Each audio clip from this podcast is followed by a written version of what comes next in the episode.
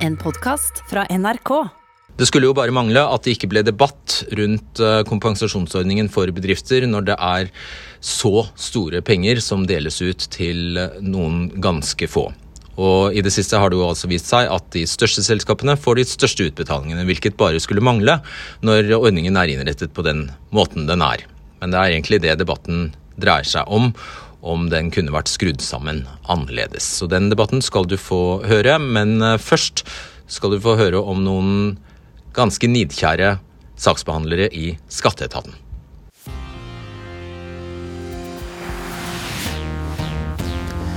God kveld. Hva betyr rettferdighet for regjeringen? Hva betyr det når regjeringen sier at noen bedrifter kan få for mye, andre kan få for lite, og at ordningen ikke er 100% rettferdig?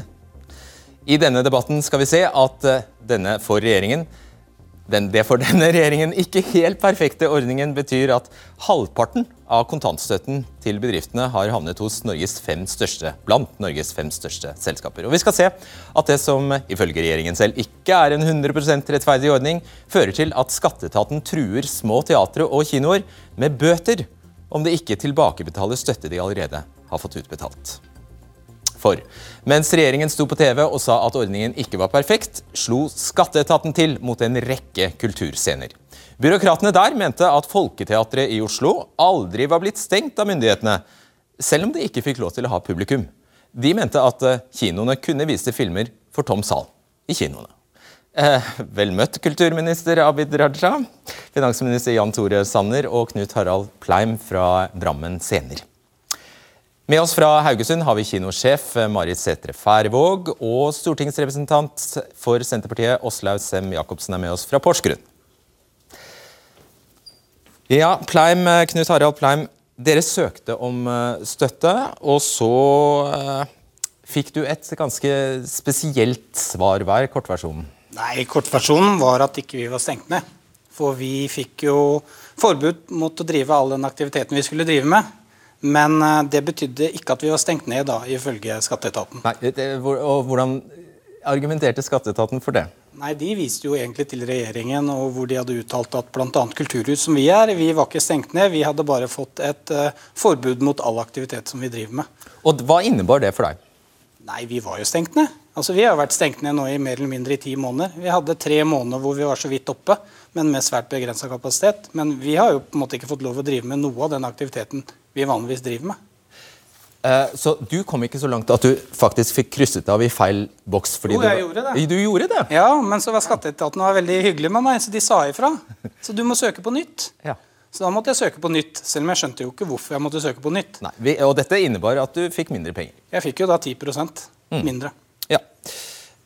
Uh, Jan Tore Sanner, finansminister. Jeg skal bare, før du, før du får ordet, si at uh, du er her på vegne av skatteetaten, som selv ikke ville eh, møte i debatten. De sier du skal svare på alle spørsmål om dette her, så vel bekomme. Det er egentlig ganske naturlig, fordi at skatteetaten er en av mine etater. Jeg er finansminister, og da er det jeg som stiller. Ja, Så du er jo i største konsekvens ansvarlig for det de måtte finne på, da. Så hvorfor, eh, hvorfor bestemte skatteetaten seg for å gå løs på små teater og, og eh, kulturarrangører og kreve penger tilbake? Den eh, kompensasjonsordningen som, eh, som, dere har søkt på, den fikk vi på plass i løpet av tre uker eh, i mars, begynnelsen av april. Da var norsk økonomi i fritt fall. Vi opplevde det største økonomiske tilbakeslaget i fredstid. Og da var det om å gjøre å få på plass en ordning veldig raskt. Og da bestemte vi oss for at de bedriftene som da var stengt ned av staten, som f.eks.? Som f.eks.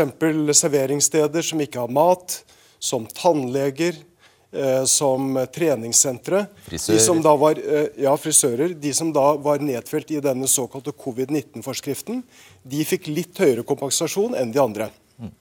Og eh, jeg mener i ettertid at det burde vi ikke ha gjort.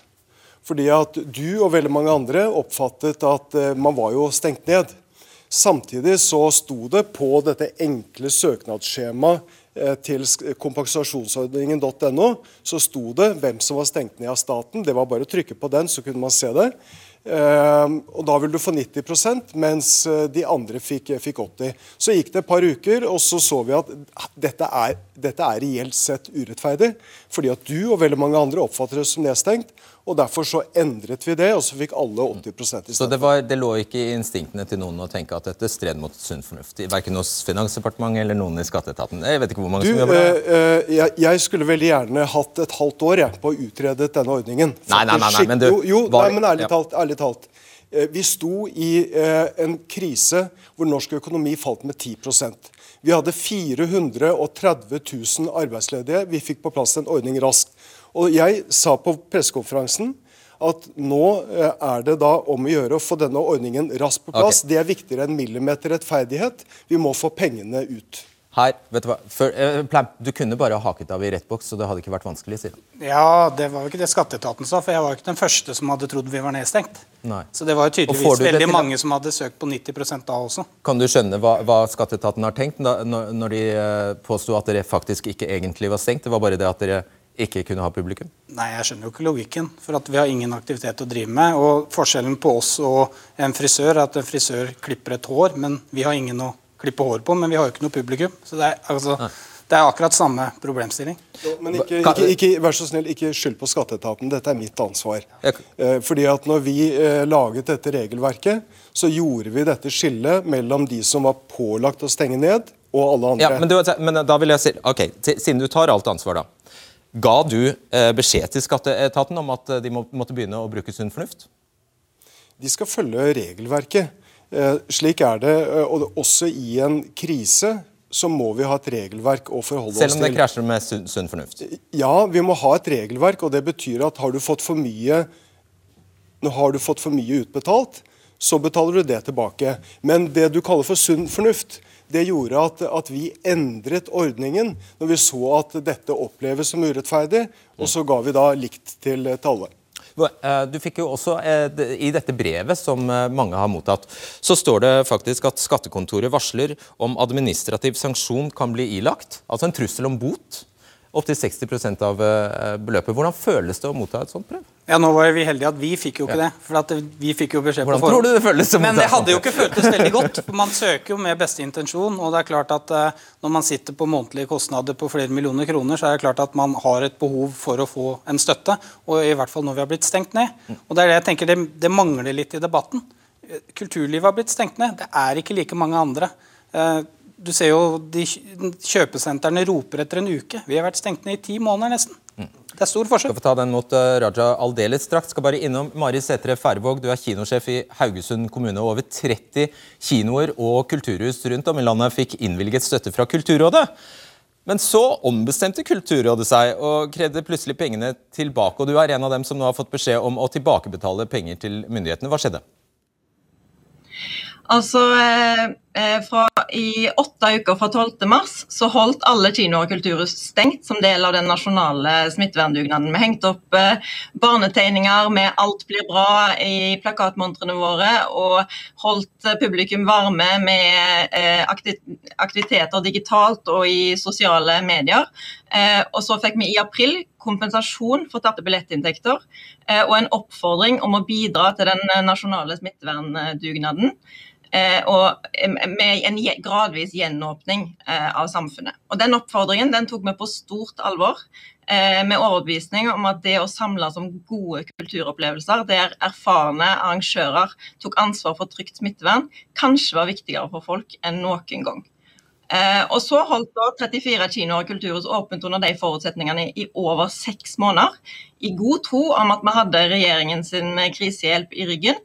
Eh, og Sjokket var jo derfor stort når vi i desember fikk krav om tilbakebetaling og beskjed om at vedtaket om tilskudd i april var omgjort.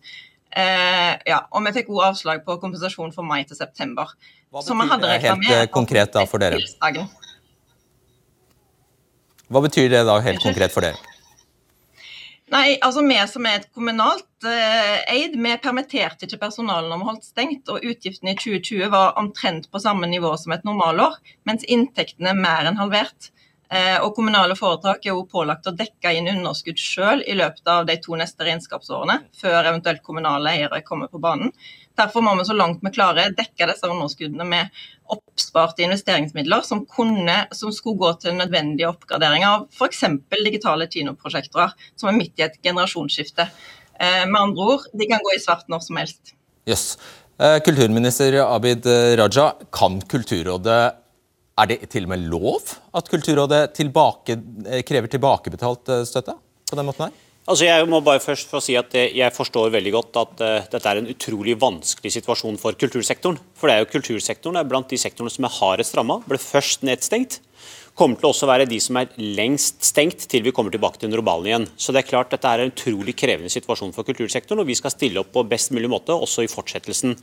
Så er det viktig å si at eh, Ikke glem spørsmålene. Ja, men jeg må si det, altså, eh, eh, Landet stengte jo ned 12.3, eh, og en uke etter det, 19.3, så fattet Stortinget følgende vedtak. De sa at offentlige virksomheter de burde ikke omfattes av kulturordningen. Det var et vedtak som ble gjort enstemmig av Stortinget, inklusiv det andre partiet som snart skal få ordet. Og det betyr at Når Stortinget sier at offentlige virksomheter ikke skal være del av Kulturdepartementet sine ordninger, så er det Kommunaldepartementet som ivaretar kommunale kinoer. For de er da under kommunal virksomhet. Hvor mange tror du skjønner det du sier nå? Altså, det, sier du nå mange. at Stortinget trumfet Kulturrådet etter at de først hadde gitt ut penger? Er det det du sier? Det er ganske mange som skjønner dette. for vi har rundt, rundt ja, det, man, man, har litt over 200 kinoer i Norge. Så var 34 av de som som, søkte. De andre søkte ikke Kulturrådet sin ordning i det hele tatt. Altså, De, som de 34 fikk, eh, fikk avslag. Uh, har fått uh, tilbakebetalingskrav. Men uh, det er også viktig å si Nei, vent nå, stopp en halv.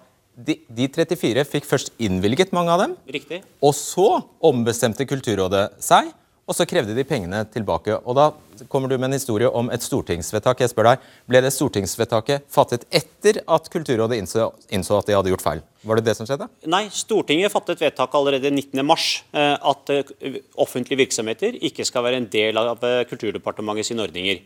Eh, så Hvordan forklarer du da at Kulturrådet gjorde dette? Det er jo fordi at eh, veldig mye av saksbehandlingen er eh, helautomatisert og halvautomatisert. Så det er ikke alltid man oppdager feil idet utbetalingen skjer, men man har lagt inn en barriere når man innvilger søknadene at man kommer til å føre etterkontroll.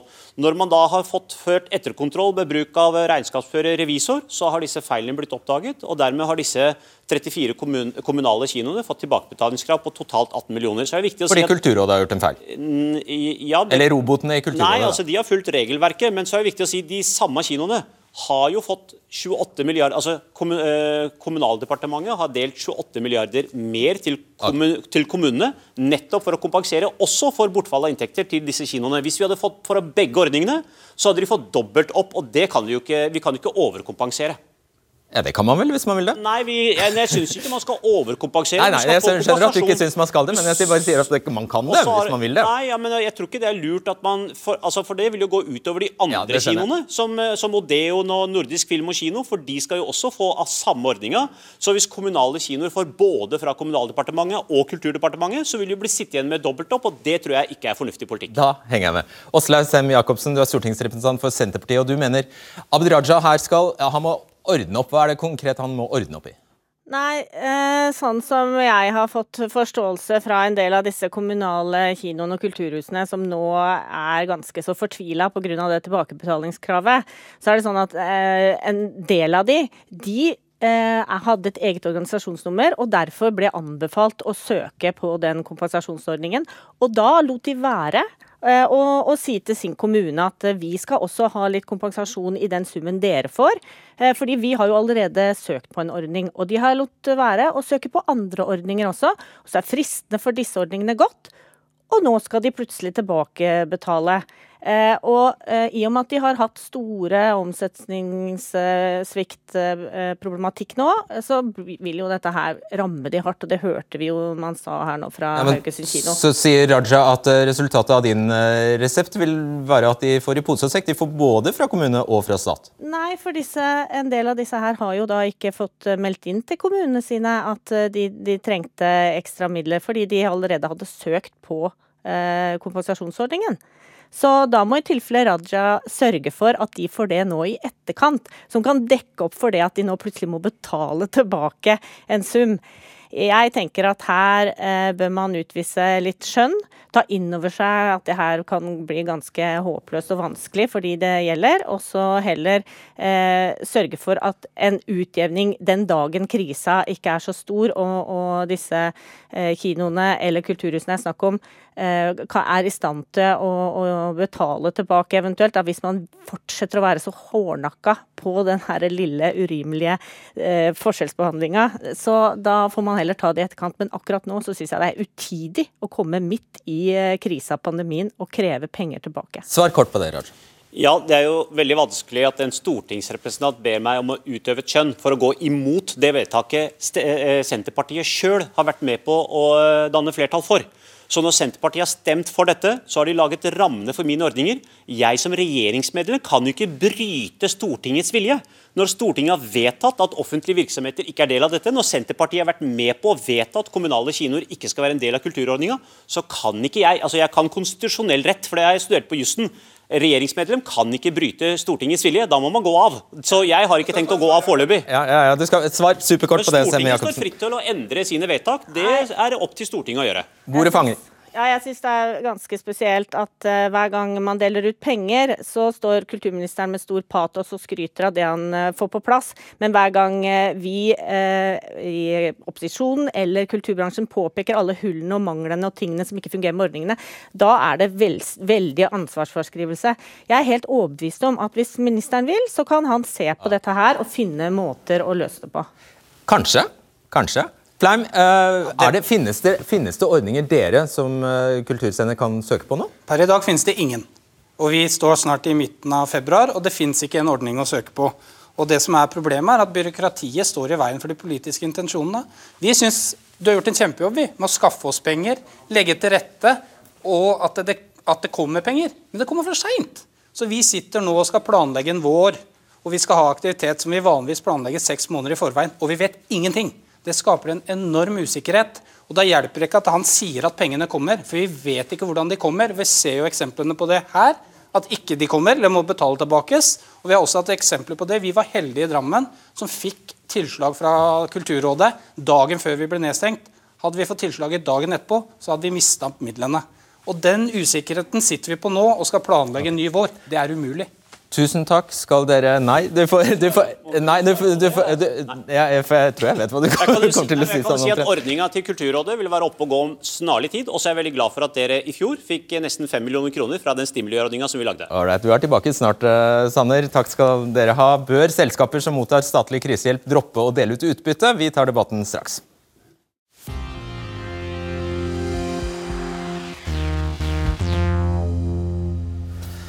I går kunne NRK fortelle at nesten 900 millioner kroner er delt ut gjennom den nye kompensasjonsordningen fra staten. Og nesten halvparten av disse millionene har gått til kun fem selskaper. Vi har vært i kontakt med alle av dem, men ingen av dem ønsker å stille altså de fem største i debatten. Det gjelder fortjenestefullt ikke Smarthotell og treningssenterkjeden EVO, som vi straks skal snakke med. Men det gjelder Oslo Plaza, som har fått 32,9 millioner kroner i statlig støtte. Det gjelder Hurtigruten, som har fått 65 millioner. Det gjelder seismikkselskapet PGS, som har fått 66,6 millioner. Det gjelder Color Line, som har fått 92,3 millioner kroner. Og det gjelder Scandic Hotels, som har fått 145 millioner kroner. Og når 1% av selskapene fikk nesten halvparten av støtten, ja, da blir det rett og slett ikke så mye til overs til sånn som deg, Monica Annestrand. Du er frisør ved Hårguiden eh, på Lillehammer. Eh, hva skjedde da pandemien traff dere? Nei, da uteble jo kunder. Og så måtte vi stenge ned i nesten åtte uker, sju uker. Oi. Alle frisørene. Ja, og Det var eh, selvfølgelig dramatisk, for dere er en familiebedrift som har hatt det gående i ja, 35 år har familien din drevet med frisørvirksomhet, og akkurat Hårgarden har eksistert i 30 år, har jeg skjønt. Eh, så har jeg skjønt at dere var i en vanskelig situasjon allerede før pandemien, fordi dere var i ferd med å kjøpe dere ut av en leiekontrakt i et kjøpesenter. Mm. Så det gikk utover økonomien. Hvordan så det ut? Eh, det så ut sånn at Vi skulle jo da bruke da de månedene egentlig da, og året nå som var, da, på å jobbe oss litt opp igjen og sånt nå. Og så kom uh, stenginga. Ja, Men pga. at dere skulle ut av den kontrakten, så gikk dere i underskudd, Ja, underskudd i 2019? Ja. Og så var planen å hente det igjen Ja. i 2020. Ja. For da, det som da, første gangen du søkte om støtte, da fikk du beskjed om at eh, Ja, hva fikk du beskjed om da? Da fikk jeg beskjed om at eh, jeg kunne få en støtte som var under 5000 kroner. Og derfor betalte de det ikke ut. Nei, fordi under, alt under 5000 ble til null kroner. Ja. Kan, kunne du skjønne det, at du hadde krav på så lite penger? Nei, absolutt ikke. 90 av eh, faste utgifter. Det var ikke under 5000 for min bedrift, i hvert fall. dine faste utgifter ligger på sånn 30 000-40 000 i måneden? Ja. Ja. Eh, akkurat. Og så klagde du på avslaget, og da fikk du en ny begrunnelse fra skatteetaten. Hva sa de denne gangen? Nei, da var det underskuddet de gikk på. Ja, Det du hadde i 2019. Ja. Og da sa de at fordi du hadde underskudd i 2019, så Ja, da får jeg fortsatt ikke noe støtte. Nei. Du kunne, kunne du ikke ha gått i banken? Eh, Jeg gikk i banken. Jeg måtte ta et lån i banken, og jeg måtte spytte inn en egenkapital for å klare alle utgifter under stenginga. Klarer du deg nå? Jeg Klarer meg, men det er ganske stritt. Det er jo usikkert. Så når du ser dette her, og du kjenner til din egen situasjon smertelig godt, hva syns du? Jeg syns det er urettferdig. Veldig. Det føles som at småbedrifter blir rydda ut. Hjertelig takk og lykke til. Takk. God tur hjem til Lillehammer. Takk. Harald Solberg, du er administrerende direktør i Rederiforbundet, og du representerer da ja, et par av disse selskapene, i hvert fall Col- Color Line og uh, Hurtigruten. Hva har alle disse, for det er mange millioner kroner, hva har de gått til sånn i korte trekk? De går til faste, uunngåelige kostnader. Når eh, bedrifter eh, må stenge ned virksomheten sin pga. statlige smitteverntiltak, så kan man jo permittere ansatte, man kan legge skip i opplag. Man kan gjøre mye for å ta ned kostnadene, men likevel så blir man stående igjen med faste, uunngåelige kostnader. Og noe av det kan man få dekket gjennom kompensasjonsordningen. Og det er vi veldig glad for at det har vært en bred politisk enighet om å sikre en kompensasjonsordning for å nettopp sikre at bedriftene kan stå gjennom krisen eh, og skape trygge arbeidsplasser når pandemien er over. Ja, for en gang skal jo skipene begynne å seile igjen. Eh, har dere gitt klar beskjed fra forbundet om at dere forventer at de ikke utbetaler utbytte, nå som de har fått så mye statlig støtte? Det er jo rimelig at bedrifter som eh, mottar eh, trenger statlig støtte for å komme gjennom krisen, ikke bruker de pengene til å utbetale utbytte. Men et generelt utbytteforbud eh, vil vi advare mot, for det kan skape andre komplikasjoner. Særlig for bedrifter som er deler av konsern, hvor man er avhengig av at deler av konsernet som går dårlig, kan bidra andre deler av konsernet med f.eks. konsernbidrag, som er en måte å gi utbytte på. Vet du om noen har tatt utbytte? Det kjenner jeg ikke til, og det forventer jeg at man ikke gjør.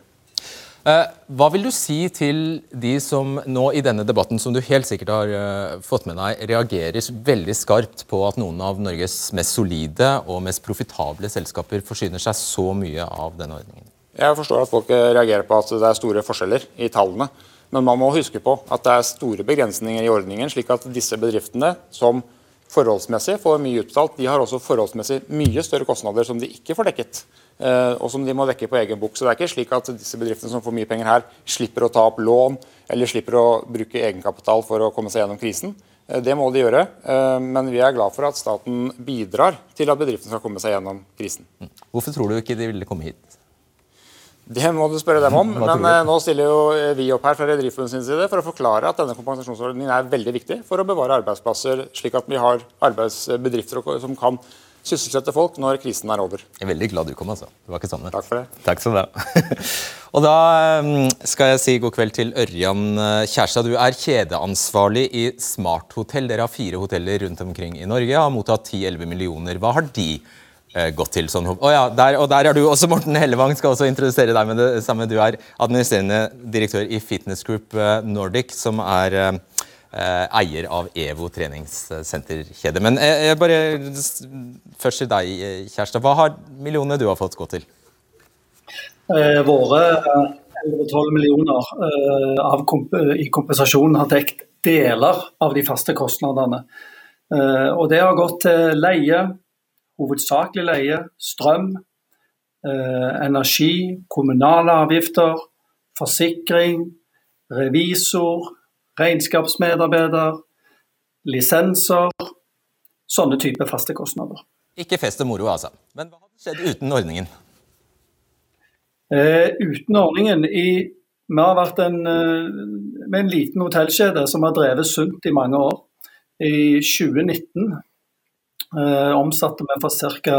200 millioner på kjeden. Eh, vi hadde et eh, positivt resultat på 89 millioner. I fjor omsatte vi i hele året for 75 millioner. Og vi fikk kompensasjon ikke på 11 millioner, vi fikk på 17 millioner i, på hele kjeden. Men vi hadde et negativt resultat på 11 millioner. Så vi taper penger måned for måned og tappes på likviditet. Og det gjelder ikke bare smarthotell, det gjelder hele hotellbransjen. Tusen takk skal du ha. Og vi spurte spurter videre til Morten Hellevang, uh, som sagt administrerende direktør i det de fleste kjenner som EVO-kjeden. da Dere har 44 sentre rundt om i landet. Treningssentre, naturlig nok. hva har dere brukt deres 18-ish millioner til? Ja, altså Vi har jo vært nedstengt nå i fjor i fem måneder og har tapt 60 millioner i omsetning. Eh, og har da fått 18. Eh, og så er det jo viktig å si at eh, av vår totale kostnadsmasse så har vi fått dekket ca. 60% så, så veldig mye har vi jo dekket uh, sjøl. Og det har gått til husleie, strøm, alle disse tingene som, som Smart Hotel også har, uh, har brukt pengene til. Kunne dine eiere finne på å ta ut utbytte i en sånn situasjon som dere er i? Det, det, det, er ikke noe tema, faktisk. Så, altså, vi har brukt eh, ti år vi, på å bygge opp uh, EVO-kjeden, um, og har aldri tatt ut en eneste krone. Uh, men de siste årene så har vi drevet veldig godt. Vi har tatt uh, fine overskudd. Og ved en kuriositet så hadde vi bestemt oss for å ta ut et utbytte i mars i fjor. Um, men da kom jo pandemien, og det første eierne gjorde da, det var jo selvfølgelig å reversere det. for det, det var ikke noe vanskelig da å se at uh, her var det om å gjøre å skalke alle luker uh, og passe på likviditeten. Har, dette, har du måttet begynne å tære på kassabeholdningen? Ja, det, det, har vi gjort. Men denne ordningen har vært eh, ekstremt viktig for oss. det har jo vært en dugnad, hele greiene her. Sant? Gårdeier har bidratt, leverandører har bidratt. De ansatte har sagt fra seg lønnstillegg. Alt av sosiale aktiviteter blant de ansatte er borte. På en måte så, så kan vi sette en strek over hele 2020. Eh, men uten denne ordningen så ville vi tapt eh, titalls millioner kroner. Eh, og takket være at vi har fått denne støtten, så er vi nå i en situasjon der vi kan både holde ansatte i jobb, og ikke minst vi kan sikre at vi når vi er ferdig med denne pandemien, kan vokse videre og kan investere. Eh, og vi har 40 eh, 000 medlemmer som står og banker på døren og vil inn, så fort vi får lov å åpne. Eh, og vi har også planer om å åpne syv nye treningssenter. Så uten denne ordningen så hadde situasjonen vært helt annerledes for vår del. Tusen takk skal du ha, Hellevang, og lykke til. Da har vi eh, supplert eh, panelet vårt, eller vi har egentlig byttet ut. riktig å si. Kari Elisabeth Kaski fra SV, redaktør i Nettavisen Gunnar Stavrum og ikke minst økonomiprofessor eh, Torbjørn, Torfinn unnskyld, Harding. Også velkommen tilbake til deg, Sanner. Jeg kan starte med deg. Denne, denne kontrasten som jeg tror de fleste ser mellom frisøren og de store konsernene. Hvorfor blir det sånn? Grunnen til at de store konsernene får mye penger, er jo at eh, de er store. Eh, og de har organisert seg på litt ulikt eh, vis. Noen har avdelinger. Noen har mer selvstendige virksomheter. For meg så er en arbeidsplass like verdifull, uavhengig hvor den er. Om den er i et stort eller et lite selskap. Så har vi hatt en diskusjon om hvor høyt dette taket skal være, hvor mye man skal få per måned. Eh, det. Ja, for her er det, jeg skal bare si det. Dette er, eh, For mange av dem er det snakk om utbetalingen i løpet av to-tre måneder. Altså veldig få, Så de har fått veldig, mye, veldig mange penger hver måned. Ja, og, Men noen forsøker å fremstille som at dette går til eierne. Dette er penger som skal gå til å trygge arbeidsplassene. Det er ett formål med dette, og det er å sørge for at folk har en jobb å gå til når krisen er, når krisen er over. Er ikke så interessert i å trygge frisørarbeidsplassene? Du, da, Jo da, og det er, jo da, og det er veldig mange frisører som har fått, uh, fått penger. Eh, hvis vi ser på de utbetalingene som var i den første kompensasjonsordningen, så gikk 83% til det vi kaller for små bedrifter.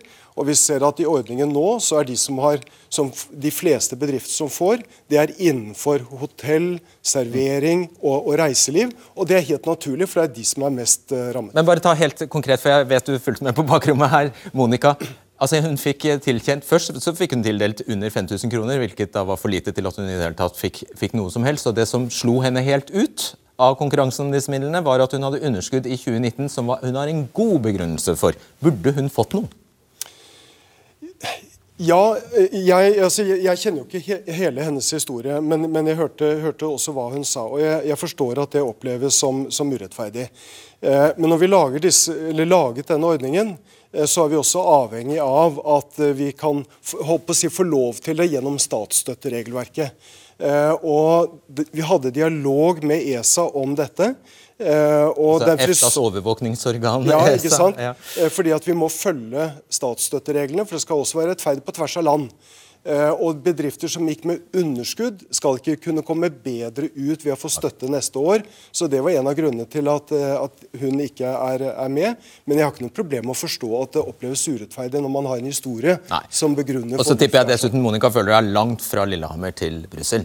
Eller ESA, hvor nå enn ESA måtte ligge. Jo da, men Ja. jeg må forholde meg, meg til det. Og Ja det er også for ikke å eh, stille bedriftene i en vanskelig situasjon. Forstår det. Kari Elisabeth eh, Kaski, hva mener du er feil med det vi har presentert i dag? Nei, Den store si, konsekvensen av eh, kompensasjonsordninga og støtta til næringslivet, sånn som det har utvikla seg, det er at de aller største bedriftene får så vanvittig mye mer penger eh, enn de små og mellomstore bedriftene gjør. Og ordninga er rigga sånn at du egentlig lar de selskapene som har eh, kapitalsterke eiere i ryggen, som har aksjonærer, som har god mulighet til å ta opp lån, eh, ta lån også i markedet, eh, i realiteten få penger fra fellesskapet, framfor å gjøre den nettopp ta det valget og gå ut og ta opp et lån. Og det, det er en måte å sosialisere risikoen, sånn at vi i fellesskapet gjør det, i stedet for at det er nettopp eierne, aksjonærene, som, som tar den risikoen. Og når du går inn og blir aksjonær er eier av et, av et stort selskap, så er du det både på oppsida og på nedsida. Og det mener jeg er problemet her. Nei, bare, bare veldig kort til akkurat det. fordi at Du hopper over et veldig vesentlig poeng når du sier at konsekvensen av kompensasjonsordningen er urettferdighet.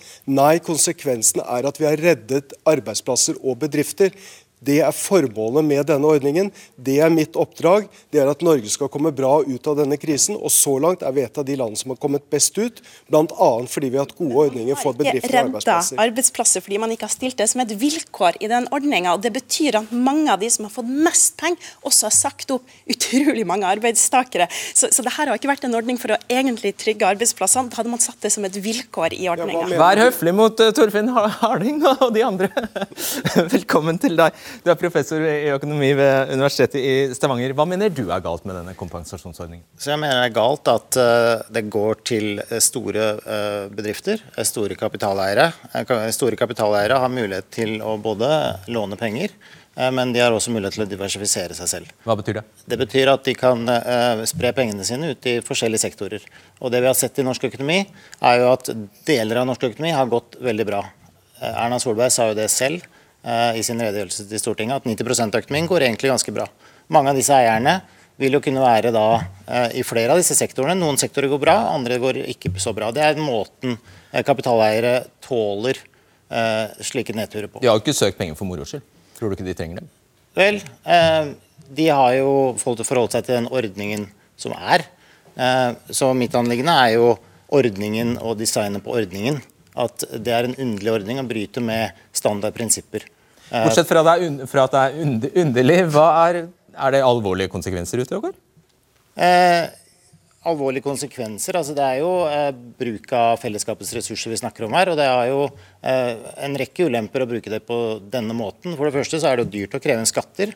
Eh, for det andre så er det jo alternativ anvendelse av disse midlene. ikke sant? Eh, man bruker eh, Det kunne vært barnehager og skoler, si. Ja, som alltid, men det er en realitet. Dessuten så kan det også i verste fall eh, bremse en omstilling vi sårt trenger. Mm. Gunnar Stavrum, redaktør i Nettavisen. Stort sett, eh, ja, hva, hva sier du til dette? Jeg har et helt annet utgangspunkt. Jeg er faktisk imponert over norske politikeres håndtering av pandemikrisen. og Det gjelder både SV og Høyre. Eh, veldig fort stengte ned samfunnet og tok knekken på det meste av smitten.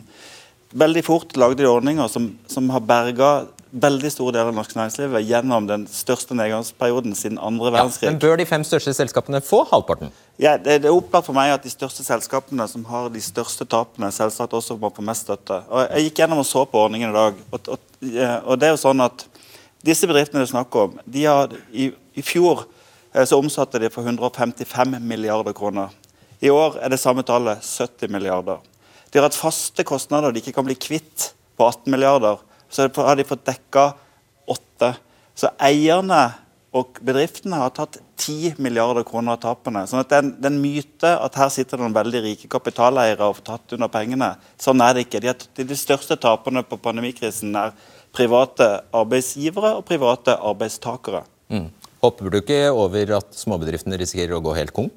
Jo, men ordningen er jo sånn at du får dekka en andel av dine faste kostnader. Den gjelder vel for alle. Det er jo ikke sånn at de store står i veien for de små. De små får også penger. Frisøren Monica fikk jo ingen penger. ja, penger. men jeg skal snakke om den generelle ordningen er jo sånn at også småbedrifter får dekka kostnader de har til, til, en viss grad. Den ordninga er altfor dårlig tilrettelagt for små og mellomstore bedrifter. Det har den vært eh, tidligere. Derfor har SV fremma flere forslag for å nettopp kunne gjøre at den er bedre tilpassa små og mellomstore bedrifter. Så jeg vil si at de kommer relativt sett her ganske dårlig ut. Og også i, i, i mindre bedrifter så, så, er det arbeidsfolk da, som, som, eh, både risikerer jobben sin, som er permittert, og, og, og det er liksom på en måte ja, veldig fortvilende når du har bygd opp et lite selskap som har ansatte, og som da opplever at vi har også kjempestor risiko, men vi får ikke dekt de kostnadene som man har, eller den hjelpa som man trenger. Og da se svære konsern med pengesterke eiere i ryggen få så store summer, samtidig som de kan både ta ut utbytte eller si opp folk. Og den urettferdigheten der, den tror jeg vi som politikere skal ta på alvor, fordi at vi har brukt et år nå på denne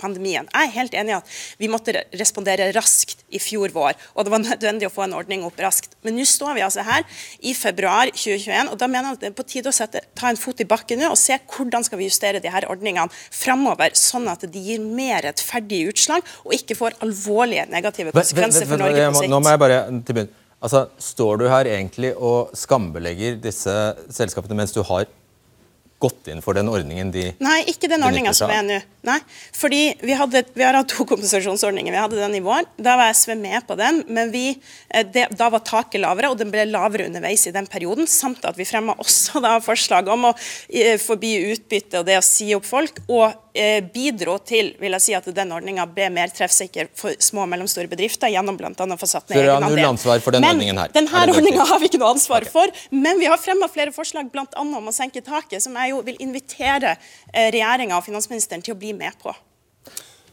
Ja, Du stemte nå for eh, denne ordningen også, og så hopper du igjen over Ja, Det var det jeg også mente. Ja, jo da, men vi trenger ikke Jeg tror ikke folk er så veldig Nei, interessert i, i, i, hvem som har stemt eh, hva. Men hvis jeg bare får lov til mm. å si at du hopper igjen over at dette handler om arbeidsplasser. Eh, I Scandic, eh, i Radisson, i Hurtigruten så jobber det også folk. Og det er det denne ordningen eh, handler om. Eh, og jeg er helt sikker på at hvis ikke vi hadde handlet så raskt hvis ikke vi hadde handlet så massivt, så ville krisen vært dypere, flere konkurser og flere arbeidsledige. Når det er sagt, så mener jeg også at det er fullt av dilemmaer i denne ordningen. Jeg forstår det teoretiske utgangspunktet. Eh, og jeg har selv foreslått et lavere tak. Vi foreslo 50 millioner, og så i Stortinget kom det opp til 80. Eh, så jeg hadde i utgangspunktet ønsket per lavere tak per måned. Og det er fordi at dette er store selskap med mange, mange ansatte. Så de dilemmaene skal, må vi selvsagt diskutere, men vi må aldri glemme at dette handler om jobbene til folk. Bare hold an bitte litt. Harding, hva, er, hva mener du staten burde ha gjort? Jeg mener staten burde ha gjort uh, og gitt tilgang til lån uh, hvis det, bankene trengte det. Uh, jeg mener også at man burde eh, Altså lån framfor gaver? Ja, absolutt. Det handler om hvem som tar regningen. Men det er viktig å merke seg her at uh, det er ikke sånn at det er bare nedstengte bedrifter som faktisk har blitt uh, omfattet av denne ordninga. Omtrent halvparten av pengene har jo blitt utbetalt til ikke-tjenestesektoren. Ikke sant? De er i veldig liten grad påvirka av direkte smitteverntiltak. Ja, kan du for eksempel, Vi har et eksempel her som jeg Mm. ser er kommentert av mange. Mm. Seismikkselskapet PGS. Ja. Det, klarer du å forestille deg hvordan de er koronarammet? De? Altså det er jo, eh, de, de opererer i oljemarkedet, driver med seismikktjenester. De gjør det bra når oljemarkedet går bra, oljeprisen er høy. De gjør det ikke bra når oljeprisen er lav. Eh, Men det er jo klart knytta til internasjonale forhold, som jeg ser ikke hvordan staten skal kompensere for. Allikevel så har de fått store da, overføringer fra fellesskapet. og Det er veldig vanskelig å forstå ut fra vanlige økonomiske prinsipper. Mm. Ja, kan du forklare det? Det er et eh, krav i denne ordningen at eh, omsetningsfallet skal være knyttet til koronasituasjonen. Eh, så jeg regner jo med, uten at jeg kjenner historien til PGS, at skatteetaten også ser på de som har fått mye penger, og ser om det er, om det er riktig i henhold til de kravene som er satt. Så er jeg helt enig med deg i at lån er en veldig god ordning. Derfor var det den første ordningen vi fikk på plass. Den første helgen etter at Norge stengte ned, så lanserte jeg og statsministeren en ordning på lån, statlig garanterte lån. eh, Og det er nå utbetalt til 4000 bedrifter til 70, som har 70 000 Ja, men da hører du ikke hva Han sier lån i stedet for dette. Ja, og det kan, tillegg. Ja, og det kan, godt, det kan godt tenkes at utover våren nå at en del av de større selskapene vil ha større tilgang til, til lån. Men våren 2020 så tror jeg nok at det var mer problematisk. Da mener jeg at det var riktigere å ha et større tak, slik vi også fikk på plass. Harding og Skatske. Ja, eh, så Det er jo interessant at såpass lite, 20% av den låneordninga er brukt, ikke sant? samtidig som eh, man måtte overføre kontanter. Men denne konkursrisikoen, eh, det er ikke helt opplagt at den var så stor. Det andre er at denne påstanden om at konkurser er så kostbart, det er heller ikke helt opplagt. For eierne, ja det er veldig kostbart, men for samfunnet så står jo realressursen der. Hotellet står der, arbeidstakerne står der. eh, Den norske fjorden er der til og med også, når pandemien er over. Og Hvis da folk har lyst til å dra på hotell, så kommer det tilbake, og eieren kan begynne å tjene penger igjen. Mm. Jeg ombestemmer meg, Kaske, fordi dette stavrer, det må bare få Stavrum til å svare på. Det, det Harding sier her, er faktisk veldig mange fagøkonomer veldig enig i. Ja, og Teoretisk har fagøkonomene rett, men i virkeligheten så er det ikke sånn. Det er riktig at eh, hvis eh, Choice-kjeden til Petter Stordalen går konkurs, så kommer bygningene til å stå der. Eh, Men så blir jo folk oppsagt. De, de får problemer med sin bank, med sine huslån og pokker lønn. Og så kan det godt være at det kommer en ny eier etter noen måneder og starter hotellene igjen. Men dette er jo et politisk spørsmål. Det er, sånn, eh, det er ikke et teoretisk økonomisk spørsmål. Det er et politisk spørsmål som handler om rett og slett er vi villige til å bruke samfunnets ressurser på å sikre at folk faktisk har en trygg jobb å gå til. Og Det er et stort flertall av norske folk villig til, og et stort flertall av Stortinget villig til. Og jeg er enig med de.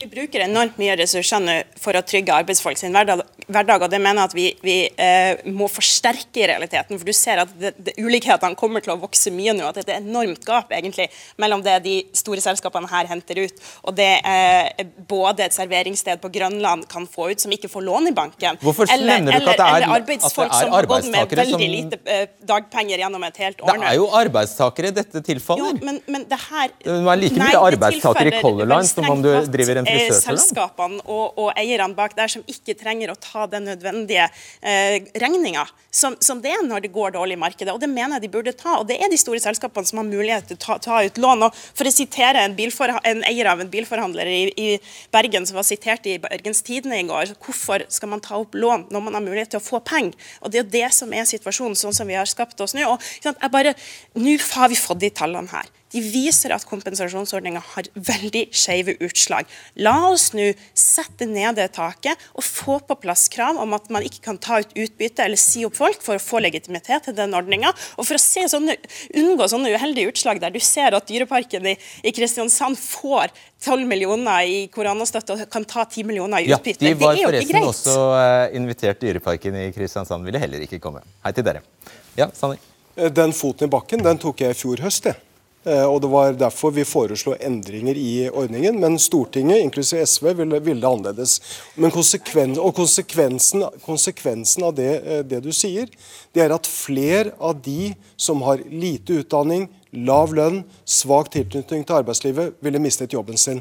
Hvis du ser på de vurderingene som er gjort av den norske kriseinnsatsen så langt, OECD og IMF, så har vi fått gode skussmål på den innsatsen som er lagt ned. Vi har bidratt til å trygge jobbene, og det er tross alt det aller viktigste nå. Tror du det vil presse seg fram endringer? Dette er det siste som blir sagt i kveld. Ja, det tror jeg. Nå ser vi en sterk enighet hvert fall blant fagøkonomer, så får vi håpe at Ja, men det spiller ingen rolle, sier du. Dere bare holder på. Bare holde på. Fordi redaktørene vet bedre. Ja. Greit. Tusen takk skal dere ha. Debatten er tilgjengelig på NRK TV og som podkast. Alltid. Ha en fin kveld. Redaksjonen bruker veldig mye tid og krefter på å finne folk som kjenner hvor skoen trykker, altså helt ekte, vanlige mennesker som kan belyse de temaene vi eh, tar opp. Eh, vi vil for alt eh, i verden ikke at debatten skal være en, en prateklubb for akademikere eller politikere, men vi ønsker, når det er mulig, å få vitnesbyrd fra dem det gjelder. I dag syns jeg vi greide det ganske bra, men det krever mye. Det krever ofte mye overtalelse. Og vi lyktes ikke helt med disse fem store selskapene som jeg påpekte i sendingen. Og jeg har bare egentlig lyst til å si det at det skal aldri være farlig å komme til debatten. Vi er alltid redelige. Sånn at vi vil aldri komme med noen store overraskelser som ikke er introdusert i research-samtalene. Og det Stikkordet her er virkelig redelighet. Vi står oss selvfølgelig på at vi holder avtaler. Noe annet vil være helt uholdbart for en redaksjon som oss. Så det var en liten innpakket appell. Jeg håper du likte denne utgaven av debatten, og så høres vi til uka. Ha det bra. Du har hørt en podkast fra NRK. Hør flere podkaster og din NRK-kanal i appen NRK Radio.